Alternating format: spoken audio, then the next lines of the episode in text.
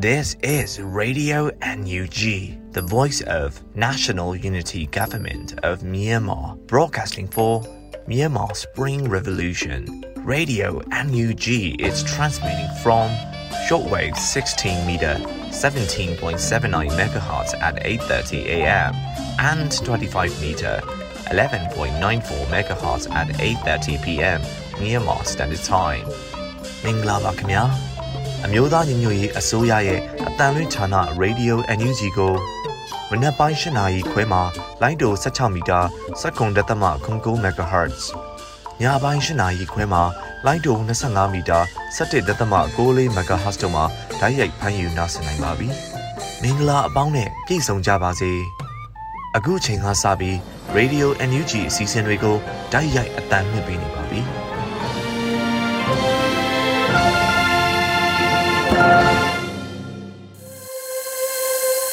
မြန်မာနိုင်ငံသူနိုင်ငံသားအပေါင်းတဘာဝပြီးစစ်အာဏာရှင်ဘေးတော်နေကင်းဝေးပြီးကိုစိတ်နှပါကြမ်းမှလုံခြုံပေးကင်းကြပါစေလို့ရေဒီယို UNG အဖွဲ့သားများကဆုတောင်းမေတ္တာပို့သလိုက်ရပါတယ်ရှင်။အခုချိန်ကစပြီးရေဒီယို UNG လက်ခင်းပြည်တွင်သတင်းများကိုရွေဦးမှုကဖကြားတင်ပြပေးသွားပါမယ်ရှင်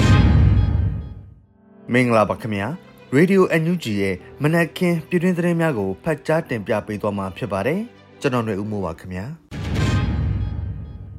ဥစွာ စစ်ကောင်စီကိုအရှိုက်ထိစေမိလေရင်စီလန်းချောင်းဖျက်တောက်ရေးနီလန်းများကိုလျှက်စစ်နဲ့စွမ်းအင်ဝန်ကြီးဌာနမှရှာဖွေဖော်ထုတ်စ조사ပေးခဲ့ဆိုတဲ့သတင်းကိုတင်ပြပေးသွားမှာဖြစ်ပါတယ်။စစ်ကောင်စီကိုအရှိုက်ထိစေမိလေရင်စီလန်းချောင်းဖျက်တောက်ရေးနီလန်းများကိုလျှက်စစ်နဲ့စွမ်းအင်ဝန်ကြီးဌာနမှရှာဖွေဖော်ထုတ်စ조사ပေးခဲ့တယ်လို့ဒီဇင်ဘာလ17ရက်နေ့မှာပြည်ထောင်စုအဆင့်တယံဇာတစီမံအုပ်ချုပ်မှုအဖွဲ့၏ 6မြင်းဆောင်2023အစည်းအဝေးကျင်းပရာမှာပြည်ထောင်စုဝန်ကြီးချုပ်မန်းဝင်းခိုင်တန်းကပြောပါတယ်။ယခုအခါစစ်ကောင်စီကိုအရှိုက်ထိစေမိလေရင်စီလမ်းကြောင်းဖျက်တောက်ရေးနီလန်းများကိုရှာဖွေဖော်ထုတ်စ조사ပစ်ခဲ့ကြတဲ့အတွက်လည်းလျှက်စစ်နဲ့စွမ်းရင်ဝန်ကြီးဌာနမှတာဝန်ရှိသူများကိုလည်းကျေးဇူးတင်ရှိပါကြောင်းမိမိတို့ပြည်ထောင်စုအဆင့်တယံဇာတစီမံအုပ်ချုပ်မှုအဖွဲ့ကိုဖွဲ့စည်းပြီးဆောင်ရွက်လာတာ နှစ်နှစ်တာကာလအတွင်းအာကျုံမတန်ဆောင်ရွက်ခဲ့ကြလို့အောင်မြင်မှုများရရှိခဲ့တယ်လို့ကြုံတွေ့လာရတဲ့စိန်ခေါ်မှုအများအပြားကိုလည်းရင်ဆိုင်ဖြေရှင်းနိုင်ခဲ့တာဖြစ်ပါကြောင်းဝန်ကြီးချုပ်ကဆိုပါတယ်။အစည်းအဝေးသို့ကာကွယ်ရေးဝန်ကြီးဌာနပြည်ထရေးနှင့်လူဝင်မှုကြီးကြပ်ရေးဝန်ကြီးဌာနစီမံကိန်းဗန္နာရေးနှင့်ရင်းနှီးမြှုပ်နှံမှုဝန်ကြီးဌာနတယံဇာတနှင့်တဘာဝပတ်ဝန်းကျင်ထိန်းသိမ်းရေးဝန်ကြီးဌာနလျှက်စစ်နှင့်စွမ်းအင်ဝန်ကြီးဌာနတို့မှပြည်ထောင်စုဝန်ကြီးများဒုဝန်ကြီးများ အတွင်းဝန်များကိုယ်စားလှယ်အဖွဲ့ဝင်များပြည်ထောင်စုဝန်ကြီးချုပ်ရုံးမှအတွင်းဝန်နှင့်ရုံးအဖွဲ့များပြည်ထောင်စုအဆင့်တယံဇာတစီမံအုပ်ချုပ်မှုအဖွဲ့၏အတွင်းရေးမှူးရုံးအဖွဲ့တို့မှတာဝန်ရှိသူများတက်ရောက်ခဲ့ကြပါတယ်ခင်ဗျာတိုင်းသားကောင်းဆောင်အားလုံးပြည်ထောင်စုစိတ်သက်ရှိကြပြီးစစ်အုပ်စုနဲ့ပတ်သက်သည့်အတွေ့အကြုံပုံများဟုကာကွယ်ရေးဝန်ကြီးပြောဆိုတဲ့သတင်းကိုတင်ပြတော့ပါမယ်။တိုင်းသားကောင်းဆောင်အားလုံး ပြည်ထောင်စုစိတ်သက်ရှိကြပြီးစစ်အုပ်စုနဲ့ပတ်သက်တဲ့အတွေ့အကြုံပုံများတယ်လို့အမျိုးသားညီညွတ်ရေးအစိုးရအန်ယူဂျီကာကွယ်ရေးဝန်ကြီးဌာနပြည်ထောင်စုဝန်ကြီးဦးရီမွန်ကဒီဇင်ဘာလ12ရက်နေ့မှာပြောကြားလိုက်ပါတယ်။ပြည်သူတော်လှန်ရေး၃နှစ်ဝန်းကျင်ကာလအတွင်း EROs ခေါင်းဆောင်အားလုံးနှိပါနဲ့လူကိုယ်တိုင်ရောအွန်လိုင်းကပါအဆက်မပြတ်တွဲဆုံဖြစ်ပါတယ်။ဒီလိုတွဲဆုံတိုင်းအထူးသတိပြုမိတာကခေါင်းဆောင်အားလုံးမှာ ပြည်ထောင်စုစိတ်သက်ရှိကြတယ်ဆိုတဲ့အချက်ပဲဖြစ်ပါတယ်လို့၎င်းကဆိုပါတယ်။တိုင်းသားခေါင်းဆောင်တွေဟာခွဲထွက်ဖို့ပြပဩဇာခံဖို့ဘသူမှမစင်စားကြပဲတိုင်းသားလူမျိုးစုတိုင်းကိုပိုင်ပြဋ္ဌာန်းခွင့်နဲ့ဂုံတိတ်ခါရှိရှိအားလုံးအကျိုးတူလက်တွဲပူးပေါင်းပြီးလွတ်လပ်တဲ့ပြည်ထောင်စုသစ်ထူထောင်ဖို့ပဲစိတ်ဆန္ဒရှိကြတယ်ဆိုတာတွေ့ရတယ်လို့လည်းအသိပေးထားပါတယ်။ပြည်ထောင်စုသစ်ထူထောင်ဖို့ဆိုရင် စစ်အာဏာရှင်အမြင့်ဖြတ်နိုင်မှရမယ်ဆိုတာကိုလည်းအားလုံးသဘောကန့်ညီကြတယ်လို့လည်းပြောပါတယ်။ပြီးခဲ့တဲ့ရက်ပိုင်းက2020ခုစစ်စရေးဆင်နွှဲနေတဲ့ TNL MNDAA AA တက်ခေါင်းဆောင်များနဲ့စစ်ကောင်စီကိုယ်စားလှယ်တို့တရုတ်နိုင်ငံရဲ့ဂျားဝင်မှုနဲ့တွဲဆုံဆွေးနွေးခဲ့တာရှိတယ်လို့စစ်ကောင်စီဘက်ကသတင်းထုတ်ပြန်ခဲ့တာနဲ့ပတ်သက်ပြီးကာကွယ်ရေးဝန်ကြီးကတိုင်းရင်းသားခေါင်းဆောင်များနဲ့ဆက်ဆံမှုတိုင်းရင်းသားခေါင်းဆောင်များအပေါ်ထားရှိတဲ့၎င်းရဲ့အမြင်ကို လူမှုကွန်ရက်ကနေအသိပေးလိုက်တာဖြစ်ပါတယ်။စစ်အုပ်စုနဲ့ပတ်သက်ရင်တိုင်းရင်းသားခေါင်းဆောင်တွေဟာကျွန်တော်တို့ထက်အတွေ့အကြုံပိုများပါတယ်။စစ်အုပ်စုနဲ့ပတ်သက်ရင်အန်တိုနီတဲ့ခေါင်းဆောင်တွေအဖွဲ့အစည်းတွေကြီးပဲလို့ဆိုနိုင်တယ်။သူတို့အတွေ့အကြုံကိုလေးလာတင်ယူခွင့်ရတာလဲကျွန်တော်တို့အတွက်အကျိုးထူးတယ်ပြောရမယ်လို့ဝန်ကြီးကပြောပါတယ်စစ်အာဏာရှင်အမြင့်ဖြတ်နိုင်ဖို့ဆိုရင်တအူကောင်တစ်ဖွဲ့ကောင်ဆောင်ရွက်လို့မရနိုင်ပဲအတူတကွလက်တွဲပြီးဟန်ချက်ညီညီအလုတ်လုံးမှ ရနိုင်မယ်ဆိုတာလဲအားလုံးသဘောကိုက်ညီကြတယ်လို့လည်းပြောထားပါတယ်။ NUG နဲ့ ERO စတွေကြားနားလည်မှုယုံကြည်မှုနဲ့ဘုံသဘောထားရှိပြီလားလို့မေးရင်အရေးကြီးပြီးအခြေခံကြတဲ့နားလည်မှုယုံကြည်မှုနဲ့ဘုံသဘောထားများရှိပြီးဖြစ်တယ်လို့ဖြေချင်ပါတယ်လို့လည်းပြည်သူလူထုကိုအသိပေးထားပါတယ်။ဒါအပြင်နိုင်ငံရေးရောစစ်ရေးပါမဟာဗျူဟာပိုင်းညှိနှိုင်းမှုနဲ့ပူးပေါင်းဆောင်ရွက်မှုတောက်လျှောက်ရှိခဲ့တယ်ရှိနေတယ်လို့အသိပေးလိုပါတယ်လို့လည်းပြောပါတယ်။ လက်တလောပုံရှိမှန်းချက်ကစစ်အာဏာရှင်စနစ်အမြင့်ဖြတ်ဖို့ပဲလို့ NUG ကာကွယ်ရေးဝန်ကြီးကပြောပါတယ်။တော်လှန်ရေးအောင်တဲ့အခါ Federal Unit ကိစ္စ Federal Unit တစ်ခုချင်းရဲ့နယ်မြေနယ်နိမိတ်သတ်မှတ်ရေးကိစ္စစသဖြင့်ကို့အချင်းချင်းကြားပြောစရာတွေအများကြီးရှိလာပါလိမ့်မယ်။ဒီကိစ္စတွေကန်တွင်တဲ့အခါအင်အားမသုံးပဲဇဝိုင်းဝိုင်းမှာကြေလျောင်ပြောကြမယ်ဆိုတာလဲအားလုံးတန်တိတ်တန်ချထားပြီးဖြစ်တယ်။တော်လန်နဲ့ပြည်သူနဲ့အတူတော်လန်ရေးအဖွဲ့တွေရှေ့ဆက်ချီတက်နေပါတယ်လို့ ဝန်ကြီးဦးရီမွန်ကပြောပါတယ်ခင်ဗျာ။ဂျာကာလာဒေသနရပြည်သူ့အုပ်ချုပ်ရေးဖော်ဆောင်မှုဗဟိုကော်မတီနဲ့ရန်ကုန်တိုင်းမှမြို့နယ်ပြည်သူ့အုပ်ချုပ်ရေးအဖွဲ့များတွဲဆုံဆွေးနွေးပွဲကျင်းပပြုလုပ်ဆိုတဲ့သတင်းကိုတင်ပြတော့ပါမယ်။အမျိုးသားညီညွတ်ရေးအစိုးရဂျာကာလာဒေသနရပြည်သူ့အုပ်ချုပ်ရေးဖော်ဆောင်မှုဗဟိုကော်မတီနဲ့ရန်ကုန်တိုင်းမှမြို့နယ်ပြည်သူ့အုပ်ချုပ်ရေးအဖွဲ့များတွဲဆုံဆွေးနွေးပွဲအစည်းအဝေး24မြင်းဆောင်2023ကို ဒီဇင်ဘာ12ရက်နေ့ကကျင်းပခဲ့ပါတယ်။အစည်းအဝေးတွင်ဂျာကာလာဒေသနရပြည်သူ့အုပ်ချုပ်ရေးဖော်ဆောင်မှုဗဟိုကော်မတီအထွေထွေမှုအဖွဲ့ဝင်လူသားချင်းစာနာထောက်ထားရေးနဲ့ဘေးအန္တရာယ်ဆိုင်ရာစီမံခန့်ခွဲရေးဝန်ကြီးဌာနအမြဲတမ်းအတွင်းဝန်မှအဖွဲ့အမှာစကားပြောကြားခဲ့ပါတယ်။ဆက်လက်ပြီးမြို့နယ်ပြည်သူ့အုပ်ချုပ်ရေးအဖွဲ့ဝင်များမှမူဝါဒလမ်းညွှန်ချက်များလုပ်ငန်းဆောင်ရွက်ချက်များမြေပြင်အခက်အခဲများနဲ့ပတ်သက်ပြီးသိရှိလိုသည့်များကိုဆွေးနွေးခဲ့ကြပြီး ဝန်ကြီးဌာနအသီးသီးမှတာဝန်ရှိသူများကပြန်လည်ဖြေကြားပေးခဲ့ပါတယ်။ထို့နောက်ဂျာကာလာဒေတနရပြည်သူ့အုပ်ချုပ်ရေးဖော်ဆောင်မှုဗဟိုကော်မတီအဖွဲ့ဝင်အလုံသမားဝန်ကြီးဌာနပြည်ထောင်စုဝန်ကြီးနိုင်သူဝနမှညီကုန်းချုပ်စကားပြောကြားခဲ့ပါတယ်။အဆိုပါတွေ့ဆုံပွဲသို့ပြည်ထောင်စုဝန်ကြီးတွဲဖက်အမြဲတမ်းအတွင်းဝင်များဌာနဆိုင်ရာများမှတာဝန်ရှိသူများနဲ့ရန်ကုန်တိုင်းမှမြို့နယ်ပြည်သူ့အုပ်ချုပ်ရေးအဖွဲ့ဝင်များတက်ရောက်ခဲ့ကြတယ်လို့သိရပါတယ်ခင်ဗျာ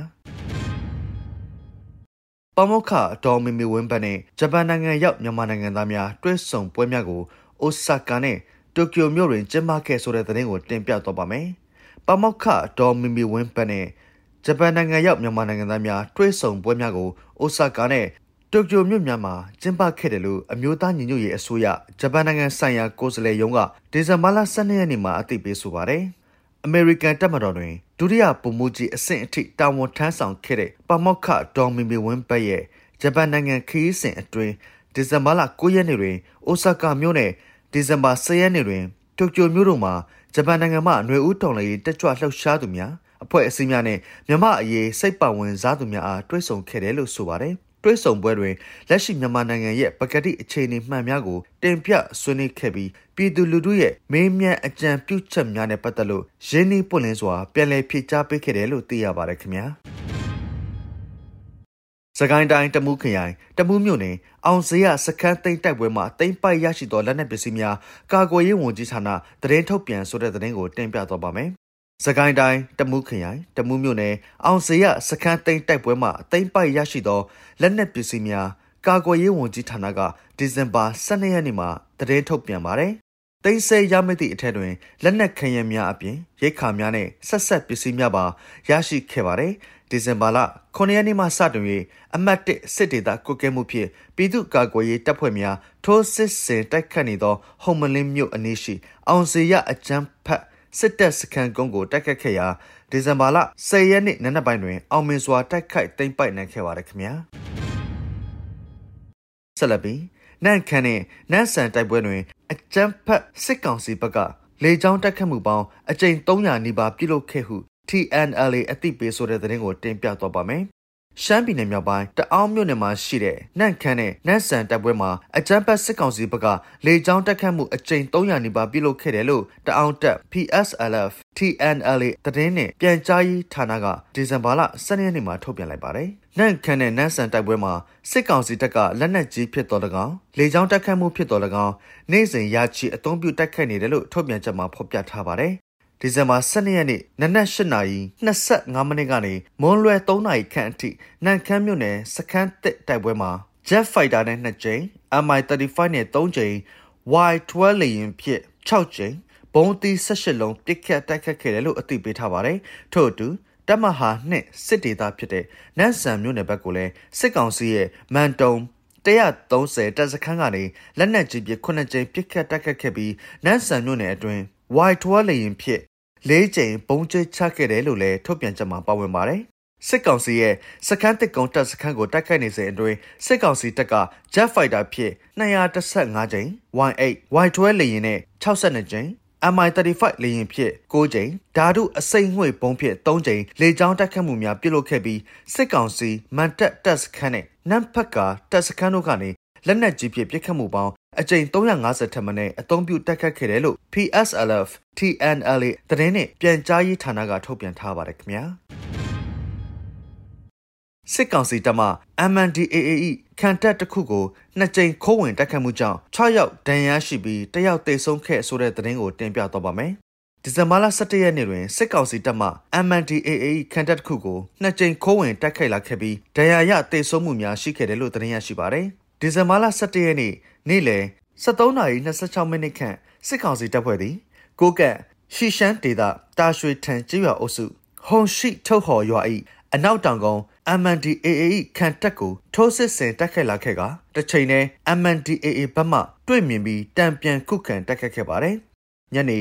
14:15မိနစ်ခန့်တွင် MNDAA မှစစ်ကောင်စီတပ်ဖွဲ့ကို နောက်ပြန်ဆုတ်ခုခံတိုက်ခိုက်နိုင်ခဲ့ပြီး MNDAA ဘက်မှ6ဦးဒဏ်ရာရရှိခဲ့တယ်လို့သိရပါတယ်။ထို့ပြင်ဒီဇင်ဘာလ17ရက်နေ့နေ့လယ် MNDAA တပ်သားသည်မူပန်တိတ်တိခရိုင်ဤအနောက်တောင်ပချံလမ်းမကြီးတစ်လျှောက်တွင်ထောင်ထားသောမိုင်းများကိုရှင်းလင်းရေးလှုပ်ဆောင်ခြင်းတွင်မိုင်းပေါက်ကွဲမှုကြောင့်တပ်သားတချို့ထိခိုက်မှုများရှိခဲ့ပါသည်။ဒဏ်ရာရရှိသူများကိုစေယုံတို့ပို့ဆောင်ကုသချိန်လက်တော့ရောက်သောအခါ စစ်ကောင်စီစကခ16ဤလက်နက်ကြီးပစ်ခတ်မှုကြောင့် MNDAA တပ်သားတယောက်သည်လက်နက်ကြီးကြီးစထိမှန်ပြီးကြဆုံးခဲ့ရပါတယ်ခင်ဗျာ။ပလဲမြို့နယ်ပအဖတရားရုံးကိုစစ်တပ်ကလေကြောင်းမှဘုံကျဲတိုက်ခိုက်တနစ်အရွယ်ကလင်းငယ်တူဥပါဝင်9ဦးသေဆုံးဆိုတဲ့သတင်းကိုတင်ပြသွားပါမယ်။စကိုင်းတိုင်းပလဲမြို့နယ်မင်းတိုင်မင်းရွာရှိမြို့နယ်ပြည်သူ့အုပ်ချုပ်ရေးအဖွဲ့တရားရုံးကိုစစ်ကောင်စီကလေကြောင်းကနေဘုံကျဲတိုက်ခတ်ခဲ့တာကြောင့် တနစ်အရွယ်ကလေးငယ်တူဥပါဝင်9ဦးသေဆုံးခဲ့ပြီး9ဦးထပ်မံထိခိုက်ဒဏ်ရာရှိခဲ့တယ်လို့ပလဲမြို့နယ်ပြည်သူ့အုပ်ချုပ်ရေးအဖွဲ့ထံမှသိရပါတယ်။ဒီဇင်ဘာလ12ရက်နေ့နေ့လယ်12နာရီခန့်က၎င်းတရားရုံးနေရာကိုစစ်တပ်က Jet Fighter တစ်စီးဖြင့်နှစ်ကြိမ်တိုင်ဘုံကျဲချတိုက်ခတ်ခဲ့တာဖြစ်ပါတယ်။ထို့သောလေကြောင်းတိုက်ခတ်မှုကြောင့်မြို့နယ်တရားရေးရာတာဝန်ခံတဲ့သူ့ရဲ့ဇနီးဖြစ်သူ CDM ကျောင်းဆရာမပကဖရဲဘော်တူတနေ့အရွယ်ကလေးငယ်တူနဲ့၎င်းရဲ့မိခင်ဖြစ်သူတို့တေဆုံးခဲ့ပါတယ်။ အဆိုပါကလေးငယ်ရဲ့ဖခင်ဖြစ်သူနဲ့တရားရုံးကိုလာတဲ့အခြားမှုတဲ့9ယောက်လည်းထိခိုက်ဒဏ်ရာရှိခဲ့တယ်လို့သိရပါတယ်။ဘုံကျဲတက်ခိုက်ခံရတဲ့ပလဲမြို့နယ်မှာတိုက်ပွဲဖြစ်ပွားနေခြင်းမရှိသလို အခမ်းအနားပြုလုပ်နေရလည်းမရှိတာကြောင့်တရားရုံးဖွင့်ထားကြောင်းနေရအတိအကျသတင်းပေးခံရသဖြင့်အခုလိုတက်ခတ်ခံရတာဖြစ်နိုင်တယ်လို့မြို့နယ်ပအဖအဖွဲ့ကသုံးသပ်ထားပါတယ်။အဆိုပါမင်းတိုင်ပင်ကျေးရွာတွင်2022ခုနှစ်ဒီဇင်ဘာလ1ရက်နေ့ကလည်းလေကြောင်းကနေပြစ်ခတ်တိုက်ခတ်ခံခဲ့ရကြောင်းနေအိမ်ဆယ်လုံးထပ်မံပျက်စီးခဲ့ရပါသေးတယ်ခင်ဗျာ။မော်လမြိုင်ရေတဝဲအမှတ်၈ပြည်ထောင်စုလမ်းမကြီးပေါ်မှာ PDF လုံခြုံရေးဆောင်ရွက်နေဆိုတဲ့သတင်းကိုတင်ပြတော့ပါမယ်။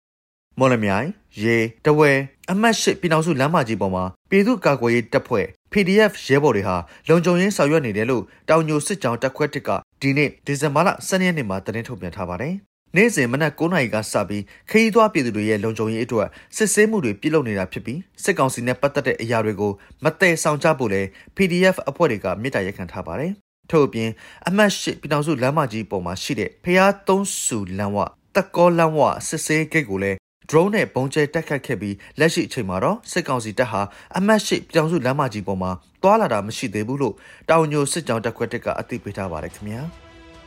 ဟုတ်ကဲ့ပါအခုတင်ပြခဲ့တဲ့သတင်းတွေကိုတော့ Radio NUG သတင်းထောက်မင်းတီဟန်ကိုခန့်နဲ့မင်းစစ်သွေးတို့ကနေပေးပို့ထားတာဖြစ်ပါတယ်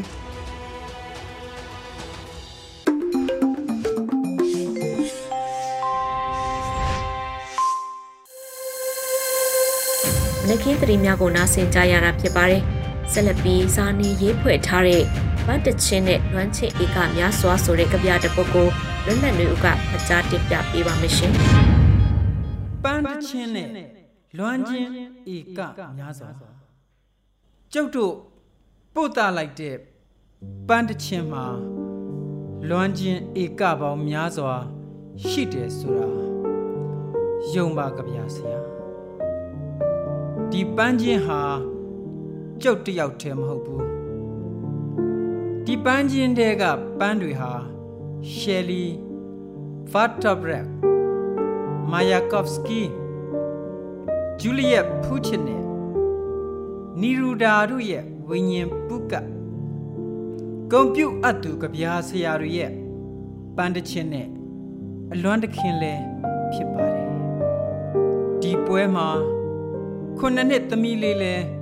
နောက်ကျောကိုတနတ်နဲ့ပြစ်တက်ခံရတယ်ကြပြာဆရာလဲအဖမ်းခံရပြီး24နာရီမပြည့်ခင်မှာရက်ရက်ဆက်ဆက်နှိပ်ဆက်တပ်ဖြတ်ခံရတယ်တရေဘောကြောင်သူတို့ရဲ့လက်ချက်နဲ့တရေကောင်းတွေကြဆုံးခဲ့ရတယ်ကျုပ်တို့အားလုံးဂုံယူလိုက်ပါစီဒါဟာဗမာပြည်က အဖိနှိတ်မခံတော်လန်ကြပြာဆရာတို့ရဲ့တမိုင်းတစ်ခုကြပြာဆရာခက်သည်ထုစစ်ချင်းလို့လဲမှတ်ယူပါတယ်လက်ခံပါတရေကောင်းကြပြာဆရာလူသားတဦးရဲ့ကြီးမြတ်တဲ့လူတံပိုးလူကုံတိတ်ခါတွေနဲ့အညီဂုံယူစွာကျုပ်တို့အဖိနှိတ်ခံပြည်သူအားလုံးရဲ့ပ န်းတချင်းနဲ့လွမ်းချင်းဧကညာစွာလက်ခံလိုက်ပါတရေကောင်းကြပြဆရာကြီး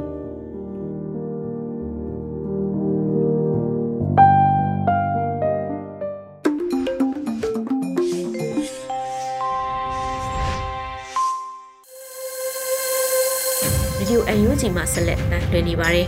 ဆက်လက်ပြီးလူခွင့်ရေးဆိုင်ရာဝန်ကြီးဦးအောင်မျိုးမင်း၏ လူသားချင်းစာနာမှုအကူအညီများကိုတိုက်ခိုက်ခြင်းဆိုတဲ့စကားတန်ကိုနားဆင်ကြည့်ကြရအောင်ရှင်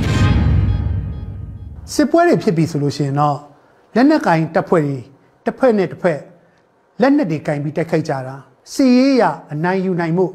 စီရေးပြူဟာတွေရတိုက်ပွဲတွေဆင်နွှဲလေရှိတာဓမ္မတာပဲဖြစ်ပါတယ်ဒါပေမဲ့ဒီလိုစစ်ပွဲဆိုင်ရာကာလလက်နက်ကင်တိုက်ခိုက်တဲ့အချိန်ကာလမျိုးမှာတော့မှစီရေးပြူဟာတွေဘယ်လိုမျိုးချမှတ်ရမလဲ စီရေးရတိုက်ခိုက်မှုတွေဘယ်လိုလွတ်ဆောင်ရမလဲဆိုတော့စစ်ပွဲဆိုင်ရာဥပဒေသ law of war ဆိုတာရှိပါတယ်ခင်ဗျအဲ့တော့တိုက်ချင်တိုင်းတိုက်လို့မရဘူးစီရေးရလိုအပ်သလောက်ပြည်သူလူတွေမထိခိုက်အောင်ကာကွယ်ပေးဖို့လိုအပ်တယ်ဆိုတဲ့အယူဆကစစ်ပွဲနဲ့အတူပါလာခဲ့ပြီးသားဖြစ်ပါတယ်စစ်ပွဲဆိုင်ရာဥပဒေသားတွေဖြင့်အဲ့ဒီကာလအတွင်းမှာစစ်ပွဲအတွင်းမှာရောက်ရှိနေတဲ့အရက်သားတွေကိုကာကွယ်ဖို့အထူးသဖြင့် အမျိုးသမီးကလေးတက်ကြီးရွယ်ဦးနဲ့မတန်ဆွမ်းတဲ့သူတွေကိုကာကွယ်ပေးဖို့စီးရင်နဲ့မသက်ဆိုင်တဲ့ကျန်းမာရေးဌာနတွေပညာရေးဌာနတွေ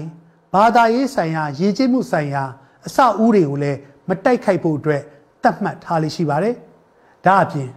စစ်ပွဲတွင်မှာဖမ်းဆီးမိတဲ့စစ်တုံးမန်းတွေကိုယ့်စီကိုလက်နက်ချပြီး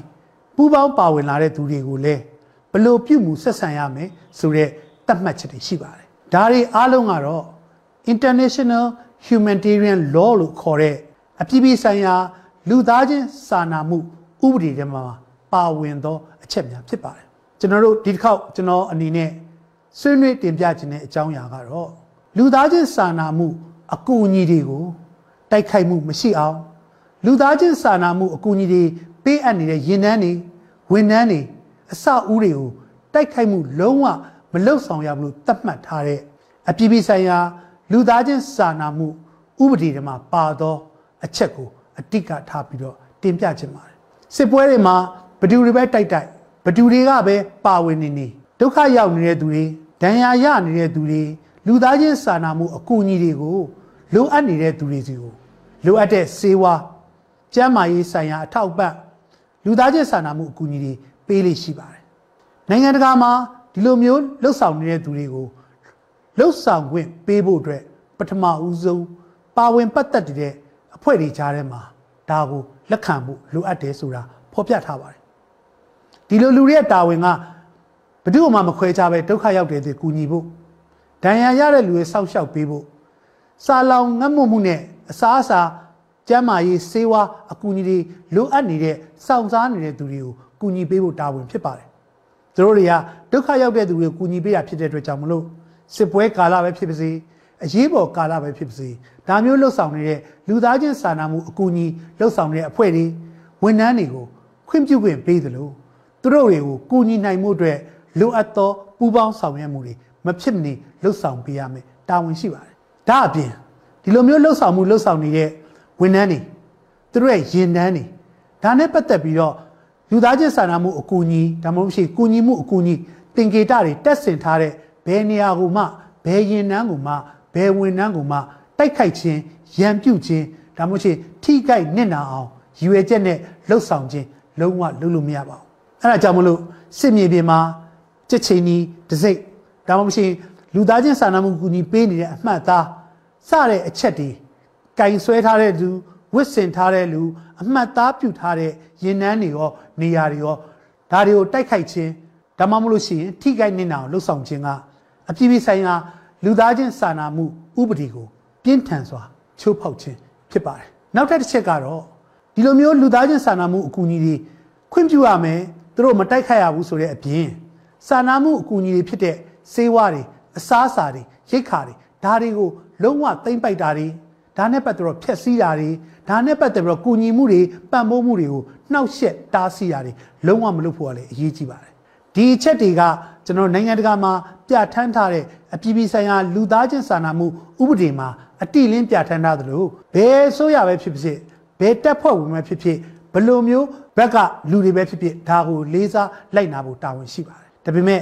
ကျွန်တော်တို့မြန်မာနိုင်ငံအတွင်းမှာဖြစ်ပွားခဲ့တဲ့စစ်ပွဲကာလတွေပြိပခကာလတွေအပြင်ပြီးခဲ့တဲ့ຫນွေဦးတော်လှန်ရေးအစပိုင်းမှာ2021ခုနှစ် မတ်လ3ရက်နေ့မှာမြောက်ကလာပါမြို့နယ်မှာရှိတဲ့ဒီမုံမြတ်စိတ်တာပရဟိတအဖွဲ့ဝင်၄ဦးဟာငင်းညမ်းစွာဆန္ဒပြလို့ဖြိုခွင်းပြီးတော့အကြမ်းဖက်ခံရတဲ့ဆန္ဒပြပြည်သူတွေကိုကူညီဖို့တွားရောက်ခဲ့တဲ့အဖွဲ့ပဲဖြစ်ပါတယ်ဒီလိုမျိုးအဖွဲ့ကိုအကြမ်းဖက်စစ်ကောင်စီတပ်ဖွဲ့ဝင်တွေစစ်တပ်တွေရဲတပ်ဖွဲ့တွေကမတရားဖမ်းဆီးပြီးတော့အခုလိုမျိုးဆက်ဆံနေတာအားလုံးမြင်တွေ့ပြီးသားဖြစ်မှာပါဒီကိစ္စမှာကြည့်မယ်ဆိုလို့ရှိရင် ဒီလိုပရဟိတအဖွဲ့တွေကအကြမ်းဖက်မှုနှိမ်နင်းမှုကြောင့်ဒုက္ခရောက်နေတဲ့ဒဏ်ရာရနေတဲ့သူတွေကိုကူညီပေးဖို့တွားရောက်တဲ့သူတွေဖြစ်ပါတယ်အကြမ်းဖက်မှုမှာပါဝင်တဲ့သူလည်းမဟုတ်သလိုအကြမ်းဖက်မှုလှုပ်ဆောင်မှုအတွက်အားပေးတာလည်းမဟုတ်ပါဘူးသူတို့ရဲ့တာဝန်ဖြစ်တဲ့လူသားချင်းစာနာမှုအရေးပေါ်အကူအညီပေးဖို့တွားတဲ့စေတနာဝန်ထမ်းပရဟိတအဖွဲ့တွေပဲဖြစ်ပါတယ်ဒါအပြင်ဒီအဖွဲ့တွေဝစ်ဆင်ထားတာကိုကျွန်တော်ကြည့်မယ်ဆိုရင်သူတို့ကတခြားသူနဲ့မတူဘဲနဲ့တကယ်ကိုပရဟိတလုပ်ငန်းတွေလှုပ်ဆောင်သော စေတနာဝန်ထမ်းကူညီပေးသော rescue uniform ထင်ထင်ရှားရှားဝတ်ထားတာတွေ့ရပါလိမ့်မယ်သူတို့ရဲ့ကားကလည်းဘယ်အဖွဲ့အစည်းဖြစ်တယ်ဆိုတာကိုထင်ထင်ရှားရှားဖော်ပြထားပါတယ်အပြည်ပြည်ဆိုင်ရာလူသားချင်းစာနာမှုဥပဒေအရဆိုရင်တော့သူတို့ကိုဘာမှတားဆီးခွင့်မရှိသလိုအကြမ်းဖက်မှုနှိပ်စက်မှုလှုပ်ဆောင်မှုလုံးဝမလုပ်ရဘဲနဲ့လှုပ်ဆောင်မှုကိုပေးရမယ်စေတနာဝန်ထမ်းပရဟိတဖြစ်ပါတယ်ဒီလိုမျိုးထင်ထင်ရှားရှားဝစ်စင်ထားရသားနဲ့ဒီပရဟိတသူ လူငယ်လေးဦးဟာရရဆက်ဆက်ရိုက်နှက်ခံရတယ်ပရဟိတဖွဲ့မှန်းတည်ရသားနဲ့ဖမ်းဆီးတယ်ပရဟိတဖွဲ့အဖွဲ့မှန်းတည်ရသားနဲ့ရိုက်နှက်တယ်ရိုက်နှက်မှုကလည်းတကယ့်ကိုသေလောက်တဲ့ဒဏ်ရာရရှိနိုင်သော ပြင်းထန်စွာအပြစ်ပေးအရေးယူရိုက်နှက်မှုဖြစ်ပါတယ်အဲ့တော့ဒီကိစ္စတွေကျွန်တော်တို့ကြည့်မယ်ဆိုလို့ရှိရင်တော့အကြမ်းဖက်စစ်ကောင်စီကငြိမ်းချမ်းစွာဆန္ဒပြတဲ့ပြည်သူတွေကိုအကြမ်းဖက်ဖြိုခွင်းတယ်လို့ အပြည်ပြည်ဆိုင်ရာလူသားချင်းစာနာမှုဥပဒေအရကာကွယ်ပေးရမယ်ခွင့်ပြုရမယ်သူတို့ပေါ်မှာအန္တရာယ်မပြုရဘူးလို့သတ်မှတ်ထားတဲ့ပရဟိတအဖွဲ့တွေကိုရက်ဆက်စွာဖြိုခွင်းတယ်ဆိုတာထင်ရှားစွာတွေ့နိုင်ပါတယ်အားလုံးအနေနဲ့ဒါနဲ့ပတ်သက်ပြီးတော့တိတိတတ်တာထင်ထင်ရှားရှားပေါ်လွင်စေဖြစ်ရတစ်ခုဖြစ်ပါတယ်ဒါကြောင့်မလို့နိုင်ငံတကာအနေနဲ့ဒီလိုမျိုးကိစ္စတွေကိုတိထက်ပုံမပြင်းထန်သောပုံမပြီးတော့ထိရောက်သော အရေးကြီးဆောင်ရွက်မှုတွေဖြစ်လာဖို့အတွက်ဆက်လက်ကြိုးပမ်းဖို့အတွက်ကျွန်တော်တို့အားလုံးမှာတာဝန်ရှိသလိုကျွန်တော်တို့ ਨੇ ဆက်လက်လှုပ်ဆောင်သွားမယ့်အကြောင်းကတိပြုပြီးပြောကြားလိုပါတယ်ခင်ဗျာ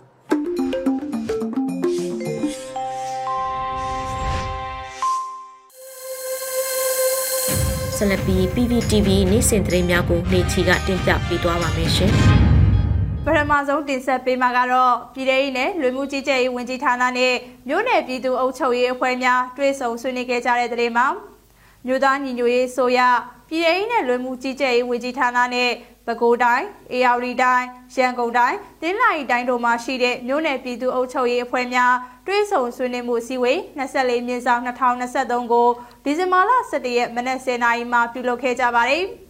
အစည်းအဝေးမှာပြည်ထောင်နဲ့လွယ်မှုကြီးကြပ်ရေးဝန်ကြီးဌာနတွဲဖက်အမြဲတမ်းတဝင်ရဲ့ဆွေးနွေးမှုနဲ့စတင်ခဲ့ပြီးပြည်သူ့အုပ်ချုပ်ရေးဦးစီးဌာနညွှန်ကြားရေးမှူးချုပ်ကလမ်းညွှန်ချက်များနဲ့ပတ်သက်လို့ရှင်းလင်းပြောကြားခဲ့ပါတယ်။မြို့နယ်ပြည်သူ့အုပ်ချုပ်ရေးဖွဲ့ဝင်တွေကမူဝါဒလမ်းညွှန်ချက်များမြေပြင်အုပ်ချုပ်ရေးဆောင်ရွက်နေမှုများကြုံတွေ့နေရတဲ့ခက်ခဲများကိုမေးမြန်းဆွေးနွေးရာဝန်ကြီးဌာနတာဝန်ရှိသူများကပြန်လည်ဖြေကြားခဲ့ပြီးနောက် ပြည်ထောင်နဲ့လူမှုကြီးကြပ်ရေးဝန်ကြီးဌာနအမြဲတမ်းတွဝင်ကညီကုန်းချုပ်ဆွေးနွေးခဲ့ပါတယ်။ဆက်လက်ပြီးဂျာကာလာဒေသနာပြည်သူ့အုပ်ချုပ်ရေးဖော်ဆောင်မှုဗဟိုကော်မတီနဲ့စကိုင်းတိုင်းတွင်းမှာရှိတဲ့မြို့နယ်ပြည်သူ့အုပ်ချုပ်ရေးအဖွဲ့များတွဲဆုံဆွေးနွေးခဲ့ကြတဲ့တဲ့မှာမြို့သားညီညွတ်ရေးဆိုရဂျာကာလာဒေသနာပြည်သူ့အုပ်ချုပ်ရေးဖော်ဆောင်မှုဗဟိုကော်မတီနဲ့ စကိုင်းတိုင်းမှာရှိတဲ့မြို့နယ်ပြည်သူ့အုပ်ချုပ်ရေးအဖွဲ့များတွဲဆုံဆွေးနွေးပွဲစီဝေး51မြေဆောင်2023ကိုဒီဇင်ဘာလ17ရက်နေ့မိုးလယ်3နာရီမှာပြုလုပ်ခဲ့ကြပါတယ်။အစည်းအဝေးမှာဂျာကာလာဒေသနာပြည်သူ့အုပ်ချုပ်ရေးဖော်ဆောင်မှုဗဟိုကော်မတီအဖွဲ့ဝင်လုံသမားရေးဝန်ကြီးဌာနပြည်အောင်စုဝန်ကြီးနိုင်သူဝနရဲ့ဆွေးနွေးမှုနဲ့စတင်ခဲ့ပြီးဝန်ကြီးဌာနတွေကလုပ်ငန်းစဉ်တွေနဲ့ပတ်သက်လို့ရှင်းလင်းပြောကြားခဲ့ပါတယ်။ ဆက်လက်ပြီးမြို့နယ်ပြည်သူ့အုပ်ချုပ်ရေးဖွဲ့ဝင်တွေကမူဝါဒလမ်းညွှန်ချက်များလုပ်ငန်းဆောင်ရွက်ချက်များမြေပြင်ခက်ခဲများပေါ်သိရှိလိုတာများကိုမေးမြန်းဆွေးနွေးခဲ့ကြပြီးဝန်ကြီးဌာနရဲ့တာဝန်ရှိသူတွေကပြန်လည်ဖြေကြားခဲ့ပါတယ်။ထပ်ပြီးတင်ဆက်ပေးမှာကတော့ရွှေဘုံမြို့နယ်မှာကျေးရွာပါအဖတွေကိုမက်စလင်းနဲ့ရွေးချယ်ဖွဲ့စည်းခဲ့တဲ့ဆိုတဲ့သတင်းမှာ စကိုင်းတိုင်းရွှေဘုံမြို့နယ်ကျေးရွာတရွာမှာရကျေးပြည်သူအုပ်ချုပ်ရေးအဖွဲ့ကိုပထမဆုံးချိန်မဲပေးစနစ်နဲ့ရွေးချယ်ဖွဲ့စည်းခဲ့တယ်လို့ရွှေဘုံမြို့နယ်ပြည်သူ့အုပ်ချုပ်ရေးအဖွဲ့မှဒီကနေ့ရက်စွဲနဲ့အတည်ပြုထားပါတယ်။ရကျေးပါအဖဖွဲ့စည်းမှုကိုဒီဇင်ဘာလ17ရက်နေ့ကပြုလုပ်ခဲ့ပြီးဒေသခံပြည်သူ929ဦးတက်ရောက်ခဲ့ကမဲပေးရွေးချယ်ခဲ့ကြတယ်လို့ဆိုပါတယ်။ ဂျာကာလာဒေသနာပြည်သူ့အုပ်ချုပ်ရေးဖော်ဆောင်မှုဗဟိုကော်မတီမှချမှတ်ထားတဲ့မူဝါဒလက်ညွှန်ချက်များနဲ့အညီကာကွယ်ရေးအုပ်ချုပ်ရေးပြည်သူ့ဝန်ဆောင်မှုလုပ်ငန်းများတရားဥပဒေစိုးမိုးရေးလုပ်ငန်းများစနစ်တကျဆောင်ရွက်သွားနိုင်ရဲ့ကျေးရွာပါဖာများကိုမြို့နယ်ပါဖာများမှမဲပစ်စနစ်နဲ့ဖွဲ့စည်းဆောင်ရွက်ပေးလျက်ရှိတယ်လို့ထုတ်ပြန်ထားပါတယ်။ ဆက်လက်ပြီးစစ်ကောင်စီတပ်သားများထွက်ပြေးစွန့်ခွာသွားတဲ့ကွန်ဖက်စကန်ကိုမီရှိုဖျက်ဆီးလိုက်တယ်လို့ KNU ဗဟိုကထုတ်ပြန်လိုက်တဲ့သတင်းမှာခရင်ပြည်နယ်စောထီမြို့နယ်ရှိအကြမ်းဖက်စစ်ကောင်စီတပ်သားများထွက်ပြေးစွန့်ခွာသွားတဲ့ကွန်ဖက်စကန်ကိုမီရှိုရှင်းလင်းခဲ့တယ်လို့ KNU ဗဟိုကဒီဇင်ဘာလ17ရက်ရက်စွဲနဲ့သတင်းထုတ်ပြန်ထားပါတယ်။ ထုတ်ပြန်ချက်ထဲမှာနိုဝင်ဘာလ18ရက်နေ့မှာကရင်မျိုးသားလွတ်မြောက်ရေးတပ်မတော် KNN နေနဲ့တော်လှန်ရေးပူးပေါင်းတပ်ဖွဲ့တို့ကစောထီမြို့နယ်မှာရှိတဲ့တောင်ချေရင်းမှာရှိတဲ့အကြမ်းဖက်စစ်တပ်ရဲ့ရှေ့တန်းတပ်စခန်းကိုတိုက်ခိုက်သိမ်းပိုက်နိုင်ခဲ့တာပါ။အဆိုပါစခန်းနဲ့အပြန်အလှန်လုံခြုံရေးအရာအထောက်အကူယူထားတဲ့အကြမ်းဖက်စစ်တပ်ရဲ့ဝင်းကလုံးစခန်းကခမာယ35စစ်ကြောင်းနှစ်ကလည်းစခန်းကနေဒီဇင်ဘာလ2ရက်နေ့ကနေစွန့်ခွာသွားတာပါ။ အဲဒီကနေစွန့်ခွာသွားတဲ့အကြမ်းဖက်စစ်တပ်စစ်ကြောင်းကကွန်ဖက်စကန်မှာခြေကုပ်ယူခဲ့ပြီးနောက်ဒီဇင်ဘာလ9ရက်နေ့မှာလဲကွန်ဖက်စကန်ကိုစွန့်ခွာခဲ့တာပါအကြမ်းဖက်စစ်သားတွေစွန့်ခွာသွားတဲ့ကွန်ဖက်စကန်ကိုကရင်မျိုးသားလွတ်မြောက်ရေးတပ်မတော် KNN ကဒီဇင်ဘာလ10ရက်နေ့မှာနယ်မြေရှင်းလင်းမှုပြုလုပ်ခဲ့ပြီးမိရှို့ဖျက်ဆီးလိုက်တာပါ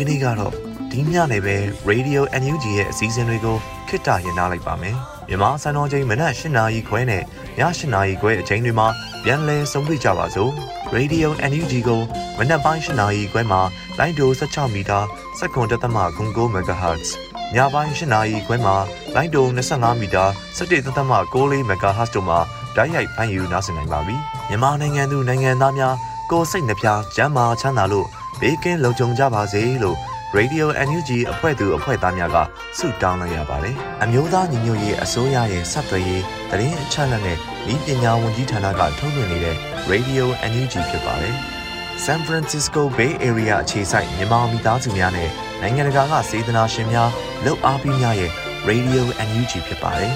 ။အရေးတော်ပုံအောင်ရမည်